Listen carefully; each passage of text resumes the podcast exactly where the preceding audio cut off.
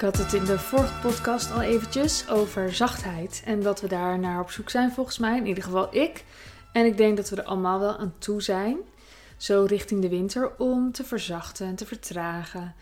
En uh, zachtheid uh, neem ik met me mee. En niet alleen in mijn dagelijkse doen, maar ook in mijn gedachten. Ook in waar hou ik me mee bezig. En ik kwam een column tegen van Thijs Launsbach. Ja, Thijs Launsbach. En hij schrijft columns voor AD, geloof ik. En hij is psycholoog. Heeft ook een boek geschreven over asociale media. En hij schrijft daarover um, productiviteit, productiviteit versus effectiviteit. En dat is dan niet eens dat hij dat zegt, maar Tim Ferriss, die die ontmoette, zei dat.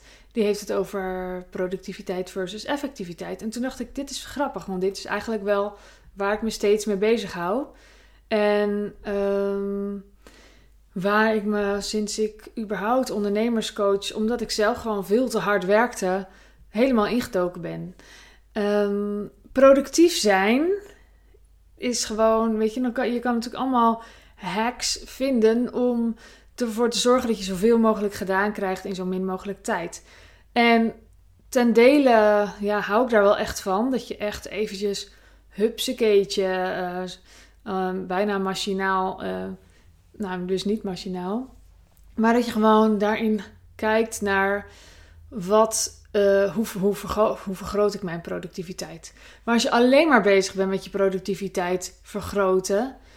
Um, en dan heb je bijvoorbeeld het boek Getting Things Done. Ja, ik kon daar zelf minder mee, omdat je jezelf dus gaat zien als een soort robot die allemaal dingen moet van zichzelf en zichzelf zo productief mogelijk door het leven beweegt. Uh, efficiënt zou ik het ook wel willen noemen.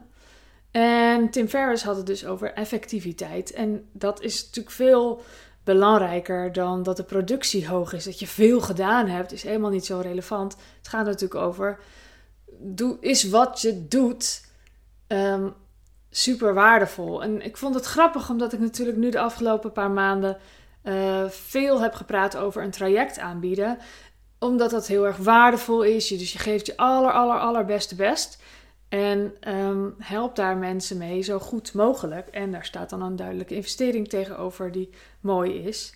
Um, dat is ook effectiviteit.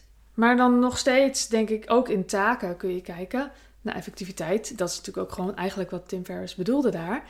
En zo ben ik ook weer opnieuw naar mijn eigen to-do-lijst gaan kijken. Dus ik podcast dan elke werkdag. Tenminste, dat heb ik afgelopen lange tijd gedaan. Um, met dus een keer een pauzetje hier en daar. Maar daar ga ik nu eventjes mee veranderen. In ieder geval ben ik dat van plan om de winter, of in ieder geval de, de, de drukkere periode, want in januari wil ik juist weer een rustigere periode. Misschien wil ik dan wel weer meer, podcasten. Maar voor nu wil ik kijken naar hoe kan ik het effectiever maken. Dus ik wil van vijf naar twee podcasts. En dan wil ik bij elke podcast ook wel echt een tekst die ik dan op meerdere plekken deel.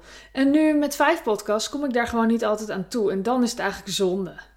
Want ja, als mensen niet weten dat je een podcast hebt gemaakt, gaan ze ook niet luisteren en zo. Dat is toch een beetje zonde. Dat is niet effectief.